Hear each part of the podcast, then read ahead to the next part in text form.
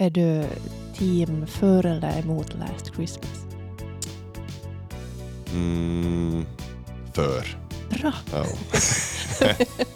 Vi måste göra vår röst hörda vi också. ah, okej. okej.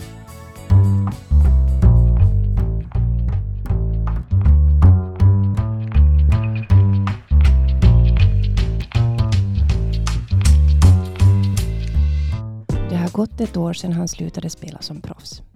Idag är Tim Sparv tränare, bor med sin familj i Prag och har tagit studenten. Men hur känns det att byta spår mitt i livet? Vart är han på väg? Och var firar han jul? Om det här i dagens julspecial av Fokuserat med mig, Sofie Starra.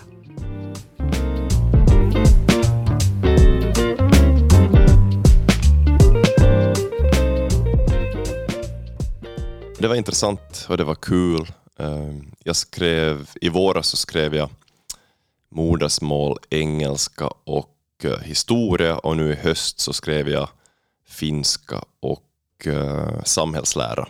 Och det var ju sådana såna ämnen som, som jag kanske brinner mer för än andra. Jag var inte jätteambitiös, alltså, jag kunde ju ha tagit mycket fler, eller många fler ämnen, eh, men jag valde att, att göra det på det här sättet. Eh, Jag är glad att det, att det är gjort. Jag är lite sådär barnsligt stolt över mig själv också, att jag, ja, att jag tog mig i kragen och ja, att jag blev, blev student. Um, det är klart att mitt, mitt liv har ju kretsat kring fotbollen i, i lång, lång tid. Men uh, det är aldrig för sent att sätta sig på skolbänken och, och kan man uppmuntra någon annan att göra, göra detsamma så, så, uh, ja, så, är, jag- så är jag glad. Hur förberedde du dig då? Läste du in gymnasiet? Gymnasieböcker eller hur pluggade du? Alltså kontexten, jag, jag flyttade ju utomlands när jag var 16, direkt efter högstadiet. Ehm, jag var inte alls intresserad av skolan, av utbildning. Det enda, alltså min passion så var ju fotboll, att, att utvecklas som fotbollsspelare. Spelare. Eh, så skolan lämnade ju där. Eh, men sen märkte jag lite senare att, att, eh, ja, att jag ville som spendera min, min tid lite eh, lite bättre. Eh, det blev lite för mycket fotboll och ville som, ja, bli lite klokare på mig själv, bli lite klokare på, på samhället eh, i sig. Så jag började, jag började gå kurser då när jag var lite osäker, men när jag var 26-27 år gammal. Ehm, så jag har ju gjort kurser från eh, Tyskland, från Danmark, från eh, Grekland, från Finland. Allting på distans, allting väldigt praktiskt och, eh, och smidigt. Eh, Så en stor eloge till, till Vasa aftonläroverk och, och alla de fantastiska lärare som finns där. Fantastiska studiehandledare som har hjälpt mig och stöttat mig och, och guidat oss. Ehm, Så jag, jag läste ju kurser under jättemånga år. Eh, och nu fanns det förstås en, en möjlighet när jag, när jag la skorna, skorna på hyllan här för ett år sedan så, så kunde jag också som komma och ja, skriva de, de studentprov som, eh, som behövdes göras. Eh, Så, så i våras och i höstas så, så skrev jag studentproven och, och, fick, det, fick det klart. Mm. Så det var en ganska lång process om man tänker så.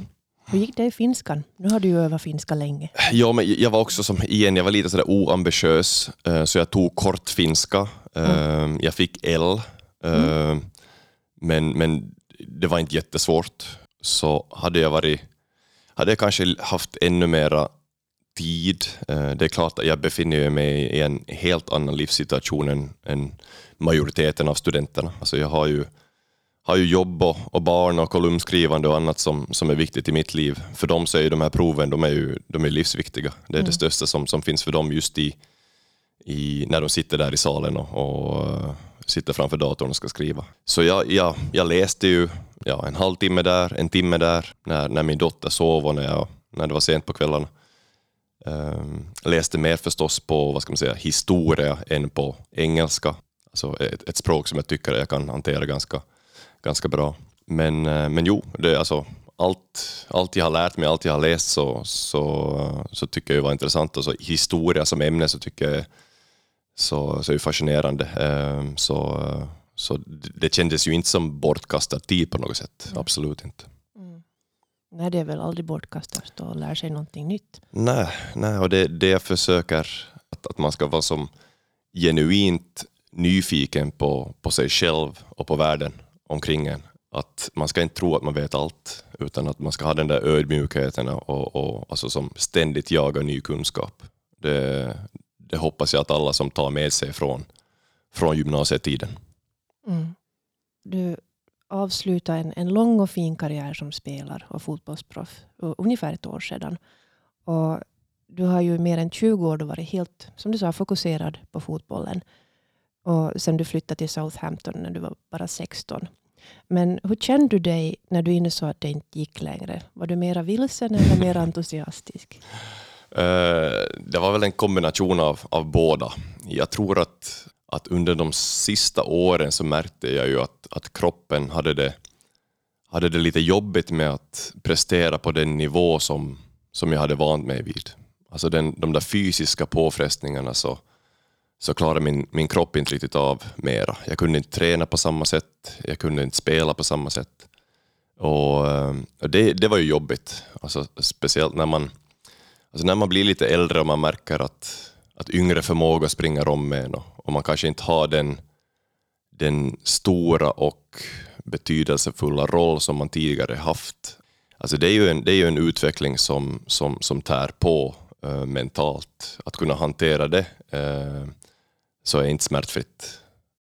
Samtidigt när det var gjort uh, och kanske senaste, alltså den senaste, eller sista, sista månaderna i Helsingfors med HJK, när jag då tog ett, ett beslut att okej, okay, det, här, det här räcker. Eh, jag är inte som jag är, inte, jag är inte den fotbollsspelare jag vill vara. Jag kan inte vara den lagkamrat som alla önskar sig. Eh, så när det, när det var bestämt, när beslutet var gjort, då, då kändes det skönt. Då kändes det skönt. Jag hade som på något sätt eh, vant mig vid tanken att okej, okay, nu hädanefter så ska jag göra någonting annat. Och jag var som, jag var som tacksam och stolt över, över de år jag hade fått inom, inom eh, professionell fotboll. Så. så det fanns ingen, ingen bitterhet. Eh, hade jag haft en, en, en, en kropp som var 100 procent eh, i skick så hade jag nog kanske fortsatt ett år till eller två. Men, eh, men det är bra så. Jag fick, eh, jag fick uppleva som, upplevelser som många andra hade, hade kunnat, eller bara hade velat önska sig. Mm. Hur är det med ditt knä idag? Eh, det är inte bra, det är det inte.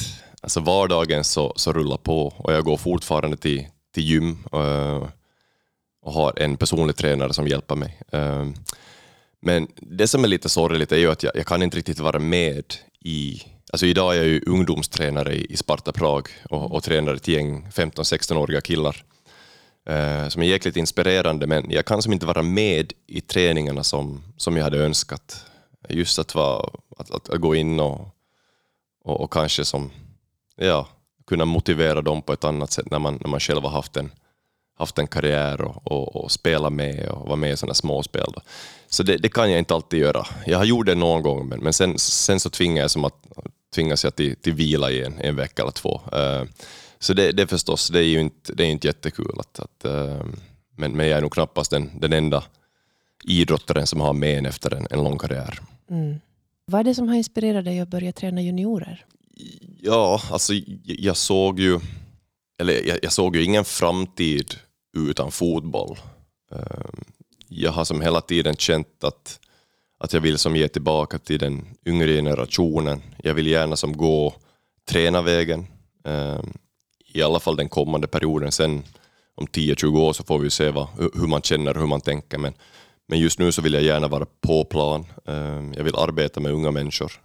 Äh, jag tycker de är så positiva och, glada och, öppna. Så, och nyfikna framför allt. Ehm, så det, är i den miljön som jag, som jag trivs bäst just nu.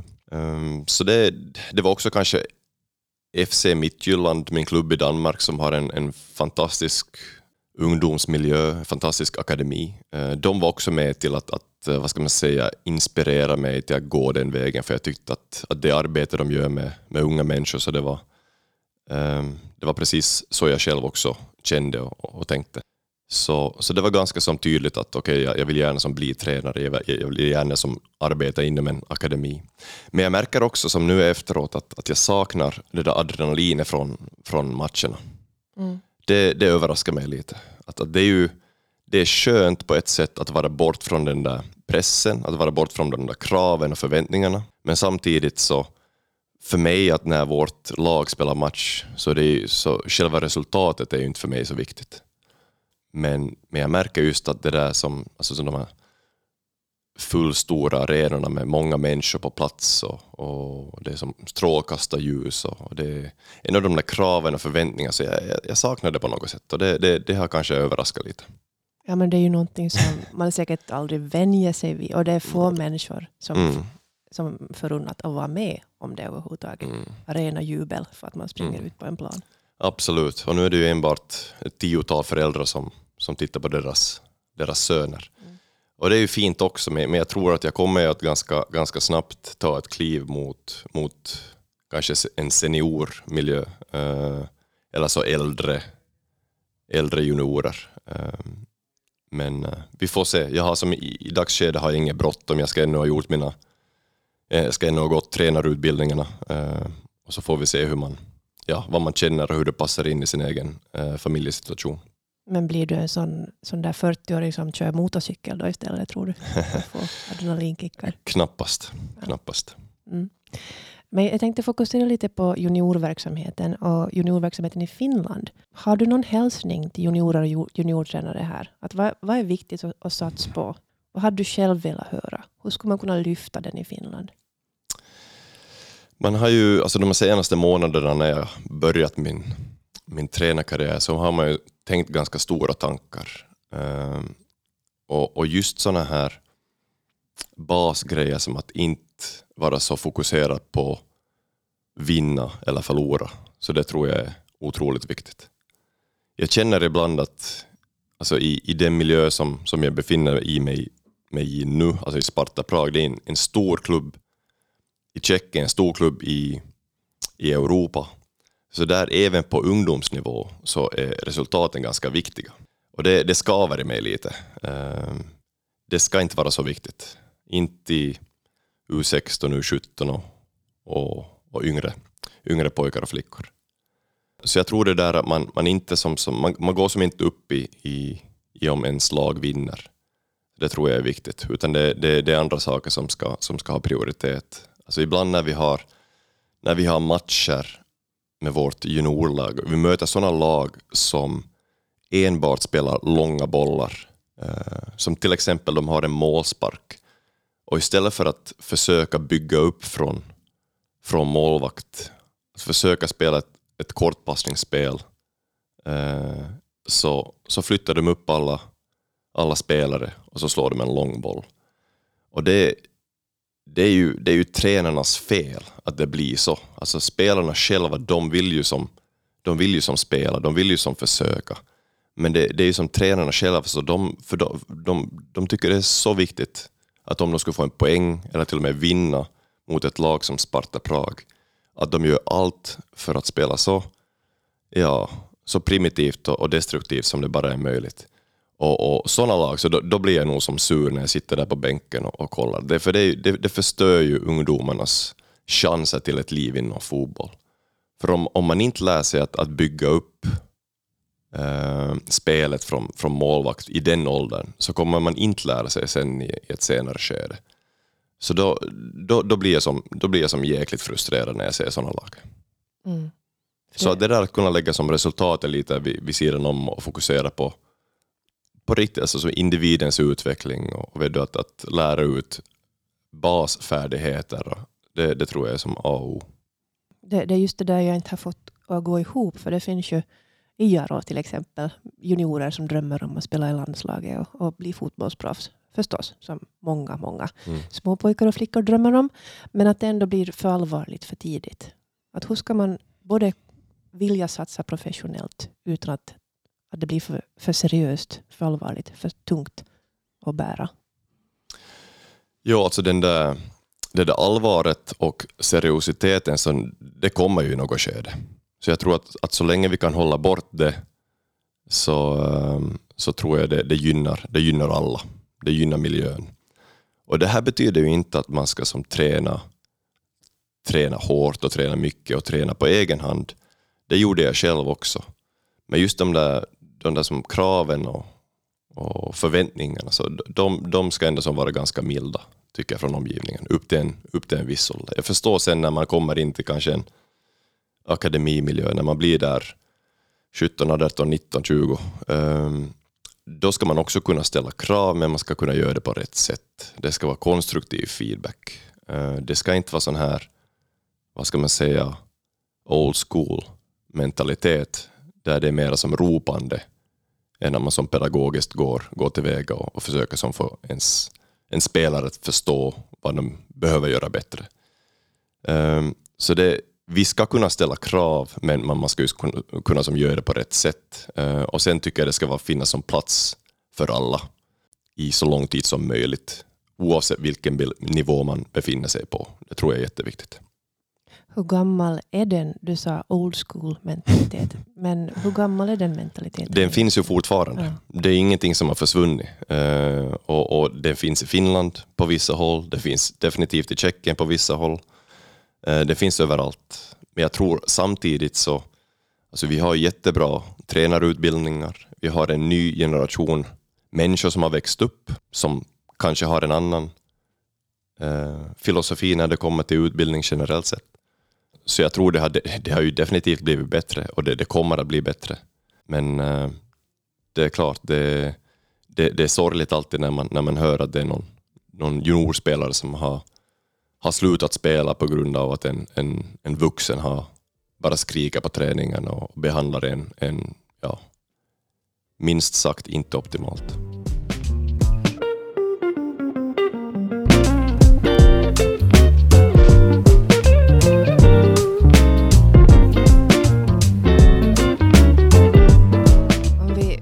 Tillbaka lite till dig.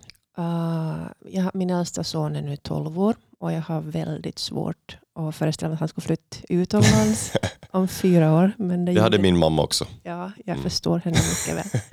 Men du har alltid varit väldigt målmedveten har jag förstått. Men känner du att du har offrat någonting eller gått miste om någonting för fotbollen? Det är klart att Alltså jag tror ju de flesta av oss så, så, så prioriterar ju saker och ting, vilket gör att man kanske lägger ja, vissa saker till sidan, eh, vissa saker som inte känns lika viktiga. Jag skulle inte kalla det som att jag offrar någonting. Det är klart att jag gick ju kanske inte på, på nattklubbar och barer och pubbar som, som mina jämnåriga gick när de började gå i gymnasiet och, och, och vidareutbilda sig och, och fick jobb och sådär jag var kanske lite mera, lite mera enspårig och lite tråkig på det sättet. Men det, det, för mig handlar det inte, det är inte så att jag offrar någonting. Men just det där umgänget med, med kompisar, med familj. Där kan man ju som fundera att okay, där, där, har det som, där har jag nog definitivt offrat någonting. Jag har varit mycket borta ända sedan jag var 16. Visst, jag har kommit hem på, på sommarlov till exempel ett par veckor. Men det kan ändå som inte jämföras med att, att bara så finnas där runt hör, hörnet och kunna gå på en kaffe till, till mamma eller gå på en kaffe till en, en bra kompis. Mm. Så min, min vardag har ju varit väldigt inrutad. På gott och ont. Jag älskar ju rutiner men jag, jag känner ju också att efter karriären att, att just den där flexibiliteten, att, att välja själv lite vad man vill göra, det har gjort mig gott. Mm.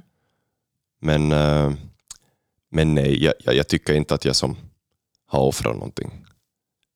Men om man skulle, ibland har jag tänkt att om man skulle få komma tillbaka och börja om, eller få göra saker och ting annorlunda, så med den här erfarenheten i bagaget så kanske jag skulle som välja en annan väg. Mm. Kanske inte den idrottsliga vägen. Inte för att det har varit dåligt på något sätt. Alltså jag, älskar, jag älskar mitt jobb, jag älskar fotboll. Men, men jag känner ändå att, att om, om jag skulle ha ett till liv så ska jag kanske göra någonting annat. Vad synd att inte vi har det. Men ja, visst, visst. Du är ju på väg att ha liksom ja, faktiskt. 2.0-versionen av Tidsparv här. Ja. Men och det är inte alla som får den chansen, så jag är som lyckligt, lyckligt lottad där. Mm. Att, att på något sätt, jag är fortfarande enbart 35 och jag går nu i, eller har gått i, i gymnasiet. Jag börjar på, på ny kula med, med tränargärningen. jag får göra sånt som, som jag inte annars har haft kanske tid med. Um, så där är jag ju väldigt lyckligt lottad på det, på det sättet och känner en, en ja, ja, se, se fram emot min tid efter den här karriären. För den, var, den har som varit väldigt sådär inrutad på något sätt. Och man ska alltid som befinna sig vid en viss tidpunkt där. och Det var mycket resande över hela världen. Och, och, och väldigt, när man har haft de här korta eh, semestrarna på sommaren, ett par veckor, men det är ändå som man ska ju som träna, man ska ju som hålla sig i form. Mm. Det, det, går ju som inte bara som att sitta på soffan och rulla tummarna, utan man har ju som ett schema även när man är på semester. Så, så att komma bort från den där, den där världen, den där miljön, så det, det, det har varit som mentalt befriande. Mm. Vart är du nu på väg då? en väldigt sådär fil filosofisk fråga. uh, det är en bra fråga. Jag vet, jag vet, vet faktiskt inte, men, men uh, att fotboll kommer att, ha, att vara en del av mitt liv framöver, så det, det tror jag definitivt. Uh, just nu så är jag ju inne i en, i en fas där jag, jag vill ha som tid att vara med familjen. Jag vill som ha tid att ja, skriva kolumner, Eh, jag vill ha tid att kanske studera någonting vid sidan om. Så jag har ju som inte gått 100% in i tränargärningen ännu. Men det kommer jag troligtvis att göra om, om ja, ett till två år. Så, så får vi se. Jag, jag vet faktiskt inte vad, vad som kommer att hända och det är ju, det är ju lite som nervöst och pirrigt på sitt sätt men det, det, det är fantastiskt. Just nu så bor jag ju i, i Prag eh, sedan ett år tillbaka. Vi har, vi har köpt lägenhet, vi renoverar vår lägenhet. Så det är mycket som, som sker i vår, våra liv och, och just en, en dotter på, på snart två år som, som eh, det är roligt att, att följa hennes, hennes utveckling och vara där närvarande. Eh, så det ska man inte ta för givet heller. Och det, det är de råden som jag fick. Jag fick faktiskt råd av Markku Kanerva, min, min tränare i landslaget, att, att Tim, se nu till att, att du som inte hoppar, hoppar på någonting för tidigt. Och det här var just efter att jag hade lagt skorna på hyllan. Att han, han, han tyckte Tim, ta nu, ta nu sex månader där du spenderar lite mer tid med familjen och, och, och funderar lite över vad du vill. Så det, det, gjorde jag också. Så fram till sommaren så var jag väldigt mycket med familjen. Och vi, vi, vi åkte på en, en tre veckors semester till, till, till Spanien i, i mars-april. Alltså sådana här saker som man aldrig skulle ha haft möjlighet med tidigare. Man ska inte... För, för, ja, säkert alla jobb, alla yrken, men men tränarjobbet i sig, så det, det är ett, ett, ett jobb som, som kan som suga musten av dig om du inte är försiktig. För du, du alltså krav och förväntningar från, från media, från, från fans, från sponsorer. Och, och, just det där att ett, ett yrke som tar så mycket tid, eh, så mycket förberedelser.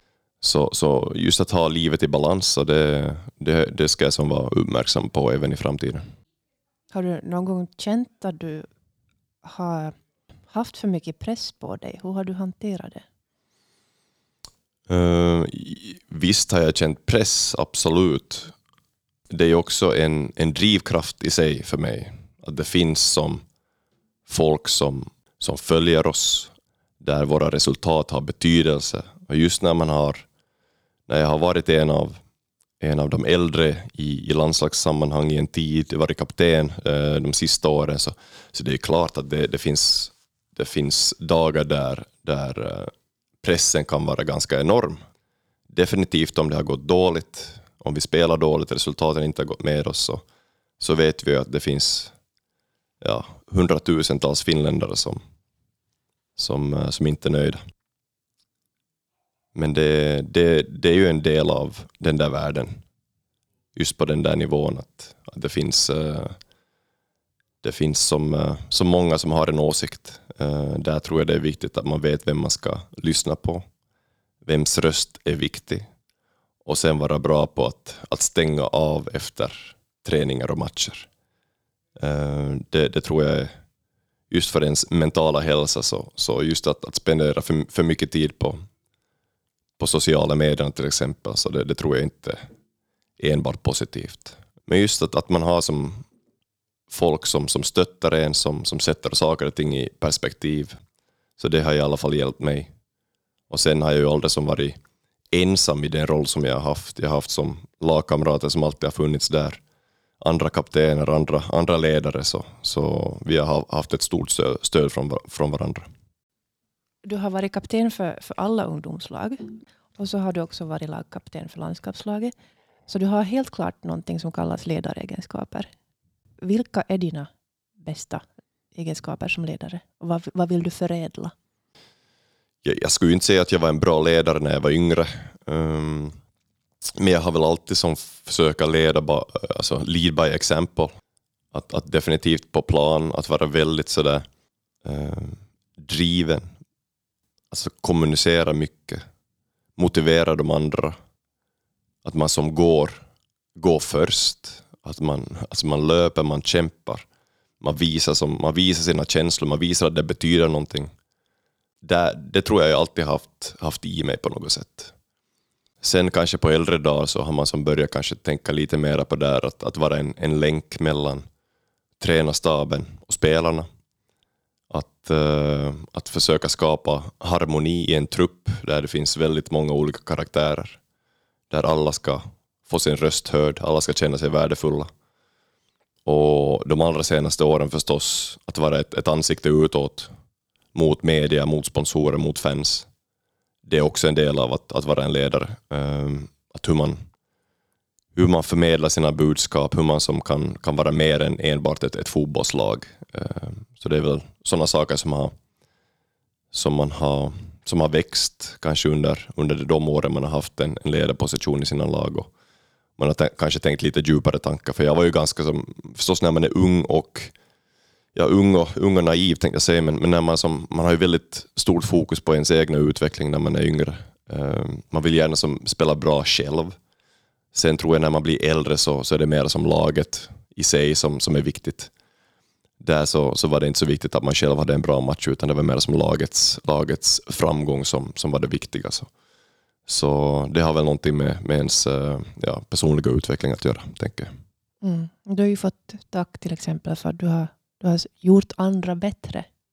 Det är klart, det är alltid det är alltid roligt att göra mål själv. Jag har inte gjort så många mål i min karriär, så det har alltid varit ett, ett stort ögonblick. Men jag har alltid som gillat det där att, att, att som kanske arbeta i det tysta på något sätt. Att, att som löpa och täcka ytor och, och, och vara aggressiv och tackla och vinna bollar och vinna andra bollar och, och, och skära av passningar och, och, och läsa spelet och, och dirigera och sådana här saker som kanske som inte alltid märks på en fotbollsplan. Alltså de, det är också viktiga detaljer som, som, som gör att ett, ett lag ökar sin, sina chanser att vinna. Så, så, så ja, jag, jag hoppas ju att jag har gjort andra bättre och jag hoppas att, att min närvaro på plan har gjort att laget har, har gått lite bättre. Um, jag har ju aldrig varit någon, någon Lionel Messi på det sättet. Alltså in, inte, jag har en okej okay teknik, jag har en okej okay första touch, helt okej okay passningar, men, men jag har ju som, det är sådana basfärdigheter som jag som byggt upp under många år här i Österbotten um, och utomlands. Men jag har ju aldrig varit någon som jag är inte en spelare som tar sig förbi en annan. Jag är inte en, en sån som gör mål. Jag är inte så kreativ. Jag är definitivt inte snabb, tvärtom väldigt långsam. Så det där att, att kunna som, att förstå var ens svagheter finns, att förstå var ens styrkor är och, och att just att, att, uh, att nyttja dem, det, det tror jag det, det, har kommit med åldern. Jag tror att när man kanske är yngre så har man en idé om att ja, jag vill gärna vara den här typen av spelare. Och sen när man, märker, när man kommer utomlands och märker okej, okay, det, det är kanske spelare som är, som är mycket bättre på den delen än vad jag är. Så, får man, så blir man ju tvungen att tänka om och säga att okej, okay, hur, hur, passar jag in? Hur kan jag, bli, hur kan jag vara en viktig del av det här laget? Hur kan jag, hur kan jag vara viktig för min tränare? Så, så sådana saker. Det där är ju en, låter som en ganska bra allmän livsfilosofi. ja, det, det, kan det ju vara. Det Man kan, kan inte vara bäst på allt. Nej, men det, det, det är ju sådär att, att, att inte... Ja, kanske när, när jag var ung så, så var jag kanske lite, lite för mycket sådär att, att jag trodde jag visste vad fotboll handlade om. Jag trodde att det bara fanns ett sätt att spela på. Och jag minns att när jag kom från, när jag gick från Southampton Eh, till, eh, till Sverige, jag, jag, lämnade en ungdomsmiljö och gick till en, en, en vuxenmiljö. Så det steget var för mig jättejobbigt. För jag gick från en miljö där det handlade mer om utveckling, där vi spelade jättefin fotboll. Eh, vi hade ett av de bästa, bästa ungdomslagen i England. Och sen kom jag till en miljö i Sverige där det handlar om att, att få resultat. O, alltså oavsett till vilket pris. Det handlar inte om att spela fin fotboll. Det handlar mer om att, att göra de andra dåliga. Uh, att stå rätt i sina positioner, att vara lite mer som defensivt. Uh, en defensiv filosofi. Och just när jag var, jag var, då var jag kanske 20, 21. Det, alltså den, att förstå den delen, det tog mig allt för länge. Det tog mig allt för länge. Och det är kanske den fasen i min, min karriär där jag som känner att ah, skulle jag få gå tillbaka så skulle jag ge mig själv en örfil. Mm. För då, då, då, tyckte jag hanterade inte bra. Jag blev som lite, jag blev som lite sur, jag blev lite negativ. Jag, jag var som en, en, från och till var jag en dålig lagkamrat. Så, som, men, men det är ju bra att man lär sig av sina misstag. Och det är ju, alla ska ju igenom en sån här period där det går lite upp och ner. Jag hade också problem med skador och sjukdomar, så det är klart, det gjorde ju inte saker och ting lättare. Men, men just det där att, att, eh, att förstå att okej, okay, fotboll, fotboll kan spelas på många olika sätt eh, och hur man själv passar in i det. Att som ta till sig tränarens instruktioner och, och, och göra det han, be, han ber om. Det tror jag har varit som en av mina styrkor. Uh, att inte bli som för stöddig och säga nej men jag vill, jag vill spela på mitt sätt. Uh, för det, det, tror jag inte alltid kommer att funka. Mm. Jag ser sådär bilder framför mig där någon är väldigt inspirerad av just Messi eller någon, jag ska spela som Messi. Ja, ja men det, det är, ja, så ser man de här TikTok-videorna och YouTube-videorna där de gör några nå fina, uh, ja, fina dribblingar.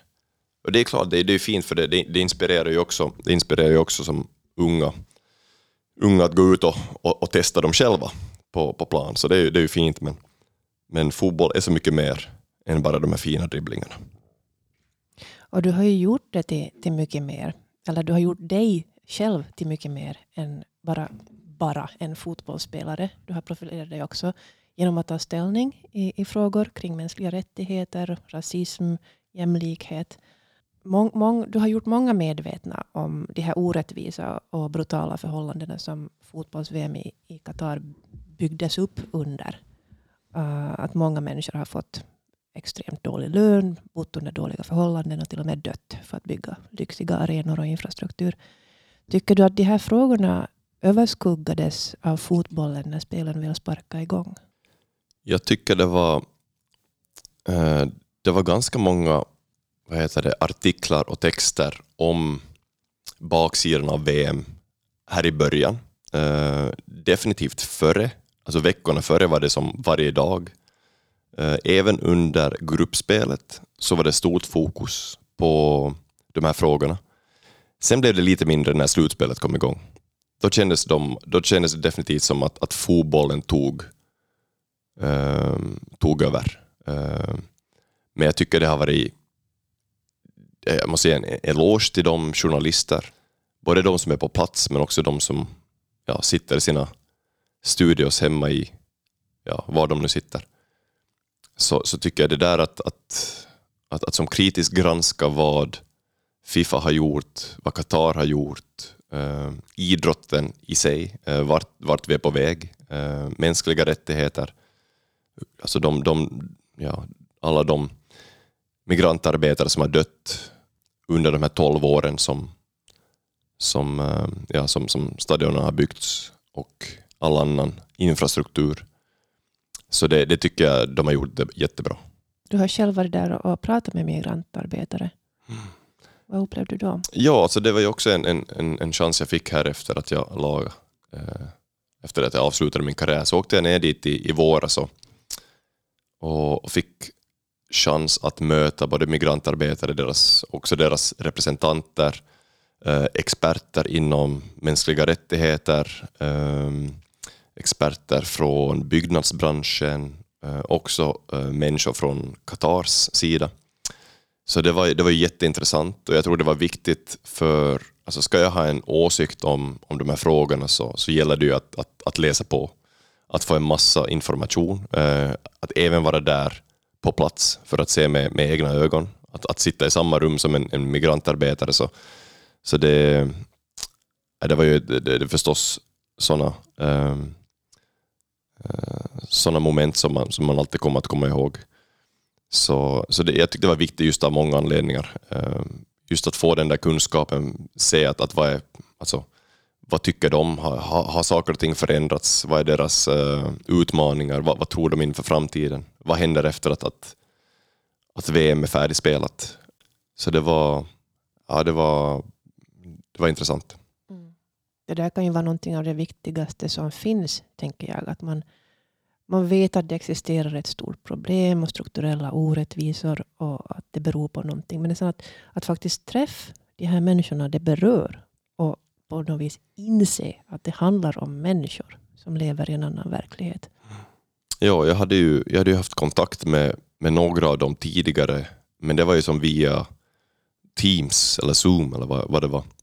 Och det är ju det är förstås det är bättre än ingenting, men just det där att, att man, man befinner sig i samma rum, alltså ansikte mot ansikte och kan som ställa öppna frågor, få se deras reaktioner, alltså få en, en, en kontakt. Eh, så, så det var, nej, det var jättemeningsfullt då. och det är klart det, det är sådana möten, människomöten som man, man tar med sig. Och, och de var ju väldigt, de, de tycker ju tycker det är väldigt viktigt att det finns folk där ute som, som tar ställning, som sätter fokus på, på det problem som de, uh, som de möter. För alltså utan, utan de här kritiska rösterna så, så vet jag inte om så mycket hade ändrats i, i Qatar, om jag ska vara helt ärlig. Alltså det, det verkar ju som utifrån sett ganska hopplöst att försöka förändra de här stora strukturerna i fotbollsvärlden med internationella fotbollsförbundet i spetsen. Det, det, handlar om enorma pengar och enormt med prestige. Och, men, men ser du någon ljusning alls? Fin, finns det möjlighet till mer transparens på grund av mer diskussion? Jag vet inte. Alltså vi, vi måste ju komma ihåg det där att, att, att jag, ju, jag har varit ganska kritisk till, till Fifa och uh, Gianni Infantino, han som leder Fifa. Mm. Det, det, är det många andra som det är många andra i Europa som också är kritiska. Men Europa är en väldigt liten del av helheten. Mm. Hans ställning är väldigt stark i Afrika, Asien, Sydamerika. Så, så att det skulle som ske ett, eh, ett maktskifte i, i Fifa, eh, det, det, tror jag inte på. Inte, inte inom en, en snar framtid. Och det är förstås han, han har ju nyckeln själv. Eh, han är ju den som ja, som, som kan göra de där bestående förändringarna om han så vill. Det är klart att det har ju skett vissa förändringar sedan eh, skandalen 2010 när, när Qatar fick uh, rättigheterna till VM. Alltså det har ju kommit ett större fokus på mänskliga rättigheter. På pappret och i teorin så, så, så verkar det som att de, de har lärt sig av sina misstag. Det finns en lite större transparens, men fortfarande så, så de som är vad ska man säga, de viktigaste, de viktigaste människorna i sporten, alltså idrottarna själva, så deras röst så blir ju inte hörd när det kommer till var VM ska spelas till exempel. Och det tycker jag fortfarande är lite problematiskt. För de känner sig lite åsidosatta. De känner sig inte som en viktig del av, av fotbollsfamiljen. Mm. Um, och där, där, där känner jag som att det finns en stor frustration även hos många av de här större, större spelarna i vår, i vår sport. Um, så vi får ju hoppas att de har tagit till sig. Um, och nu blir det ju förstås, nu, ska, nu är nästa VM i Mexiko, USA och Kanada 2026. Sen 2030 så är det många spekulationer om att, att Saudiarabien äh, kommer in i bilden. Mm. Och det blir ju det, det, blir som, ja, det blir fascinerande att se att, att hur de tar sig an Saudiarabien och de, ja, alltså de, de mänskliga rättigheters problem som, som de har i sitt land. Men var drar man gränsen? För inte Mexiko heller något helylle Nej, alltså det, det finns ju, det, man, det, kan inte vara så svart och vitt heller. Alltså inget, inget land är ju är ju perfekt. Finland är ju inte heller perfekt. När vi tänker på ojämställdhet och diskriminering och, och alltså samernas situation till exempel. Mm. Där har vi ju prickats av, av internationella organisation, organisationer i många, många år. Finland är inte heller perfekt. Men jag tycker att, att det där att, att, att vi har haft så... För, för Fifa har det ju varit väldigt viktigt det där ekonomiska, den ekonomiska biten, alltså pengarna som, som kommer in. Istället för att, att tänka lite som bredare, uh, istället för att tänka på att vilka signaler vi, vi sänder och hur det som påverkar, ja, i det här fallet som migrantarbetarna i, i Qatar, hur det påverkar samhället i övrigt. Så, så jag, jag, känner ju inte att den här trenden att, att ge OS till Kina och ja, VM till, till Ryssland och VM till Qatar och Formel 1 till Saudiarabien och boxning till Saudiarabien och allt möjligt vad det finns. Så det är ju inte en, det är inte en trend som är, som är positiv. Och sen det där att var drar man gränsen? Det är en jätteklurig fråga. Det är en jätteklurig fråga.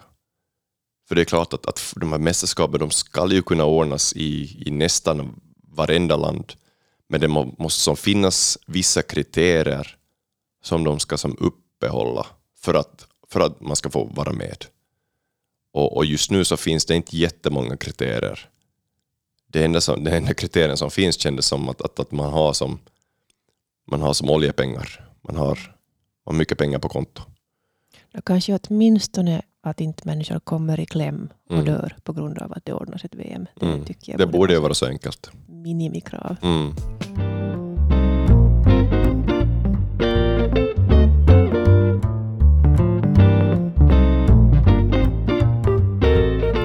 Vad sa du?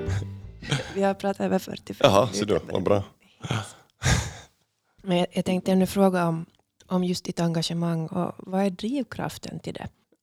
Jag tror inte att det var som en, en, en viss händelse som, som triggade igång mitt, uh, mitt samhällsengagemang. Jag tror det var mera min, min personliga utveckling. Att jag kom bort från den där fotbollsbubblan som jag, som jag befann mig i. Och sen att jag som började som förstå den förstå att vi har som en, en fantastisk plattform som, eh, som professionella idrottare och att inte som göra någonting annat, att inte som försöka som sätta fokus på, ja, på mänskliga rättigheter eller rasism eller, eller någonting annat, vad man nu brinner för, läsning, det kan ju vara, det kan vara vad som helst.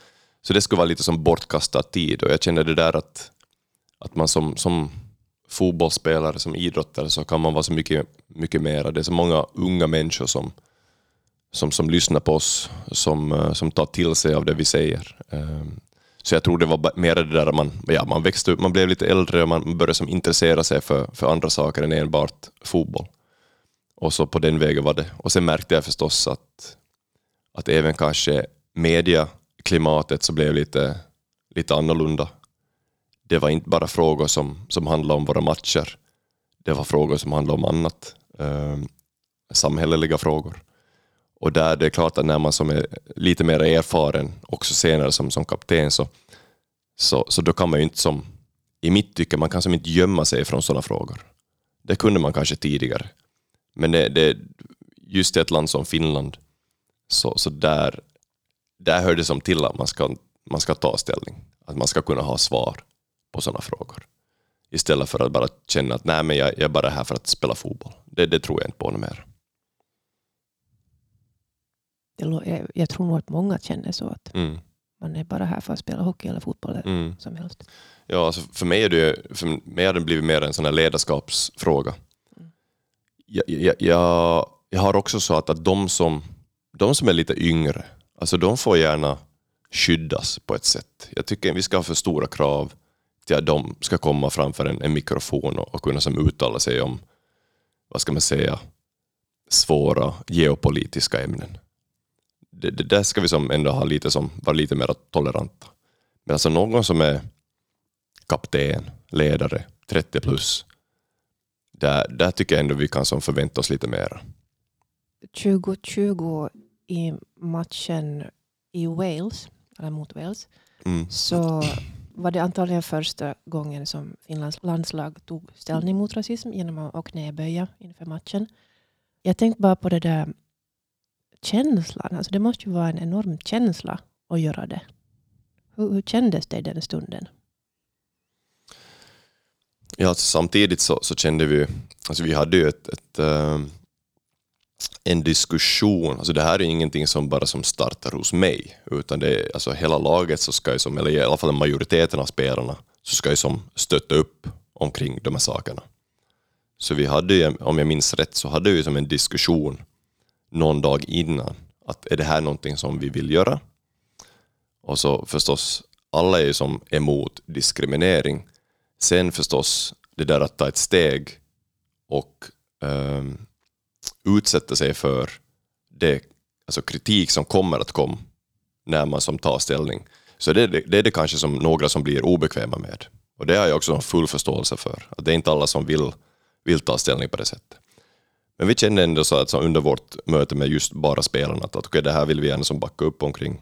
Det är klart att det är ju, det är ju som väldigt sådär, det är, det är starkt om man känner att nej, det, här, det här var som viktigt. Det här var som viktigt. Och man, man försöker som alltid som fundera på att okay, vad, vad kan vi göra den här gången? Försöka som tänka i kreativa banor. Ibland kommer det också någon från, från ledarna med, med, med tips, med råd. Um, så det har, ju, det har ju blivit en, alltså A-landslaget har ju blivit en, en, nästan en institution där man, där man som vill vara lite mer än enbart ett fram, framgångsrikt fotbollslag. Och det är, det är lite stolt över att, vi, att, att både jag och, och mina, mina lagkamrater, vi, vi var som en, en, del av, en del av den där ja, förändringen i kanske klimatet i, i landslaget. För, för det, har ju, det är många som sätter pris på det, det är många som tar kontakt och, och tycker att, att det är jättebra att vi gör det.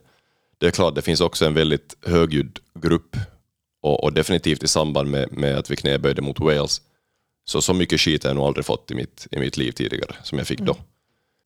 Men det, det, får man ju, det får man ju också ta.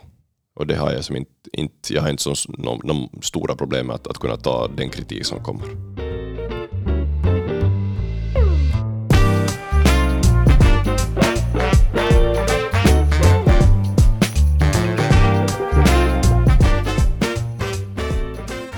Du har talat varmt om Oravais och Österbotten som ett ett härligt ställe att växa upp på. Längtar du tillbaks?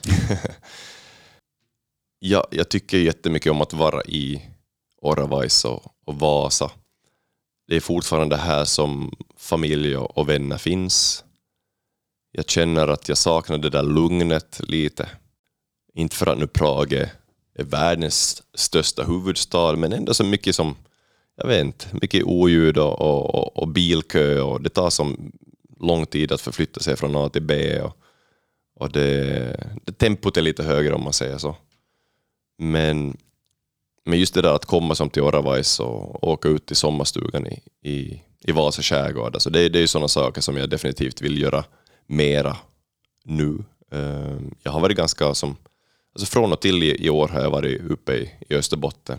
Förstås delvis på grund av studentproven men, men eh, men nej, det var, jag hade en fantastisk eh, tid eh, i Oravaiso och växte upp i en miljö som, som jag ja, där jag fick allt jag, jag behövde. Jag har fortfarande som mina bästa vänner är från, från Oravais och och det, det fotbollslag och den skola vi gick i när vi, när vi var då, ja, när vi, jag tror vi började när vi var fem, sex, sju år gamla och, och har som hållit ihop sedan dess. Så det är klart att man, man, man saknar Österbotten och jag har som funderat att vill man som bo här i framtiden.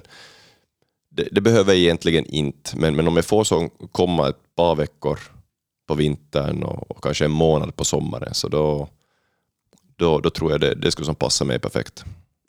Uh, nu har ju jag har fått barn och, och min, min bror har fått, fått barn också, men min bror han, han bor ju i Australien. Mm. Och det har varit lite som svårt för, för mamma speciellt det där att, att nu när hon har fått barnbarn äntligen att, mm. att vi bor så långt borta. Mm. Så det är också några, någonting man, man går och funderar på. Att, att, uh, men hon har varit bra, hon har, varit som, hon har kommit till, till, till Tjeckien ett par gånger och, och vi har ju som varit upp någon gång och sådär. Och nu ska vi spendera julen i, i Oravais i år faktiskt. Så, mm. så, um, så det, det, blir, det blir kanon. Har du några så här julmåsten? Ja, alltså i, jag tycker att julen i Finland är mycket bättre än julen i Tjeckien. Jag vet inte om det är den där maten, eller om det är att det är kallt, eller om det är bara för att, att familjen är samlad. Men det är väl någonting det där att, att traditionerna håller vi i liv. Vi har mycket som mycket frågesport och, och spel i vår familj. Uh, och sen förstås att det finns en buffé med 20-25 alternativ. Det, det gillar jag. Tack ska du ha Tim. Tack själv. Tack för att jag fick komma.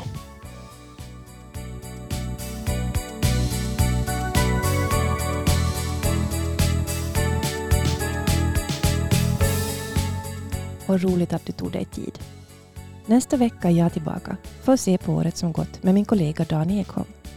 Du har lyssnat på ÖTs och Vasabladets podd Fokuserat med mig, Sofie Starra och idag Tim Sparv. Ha en god jul!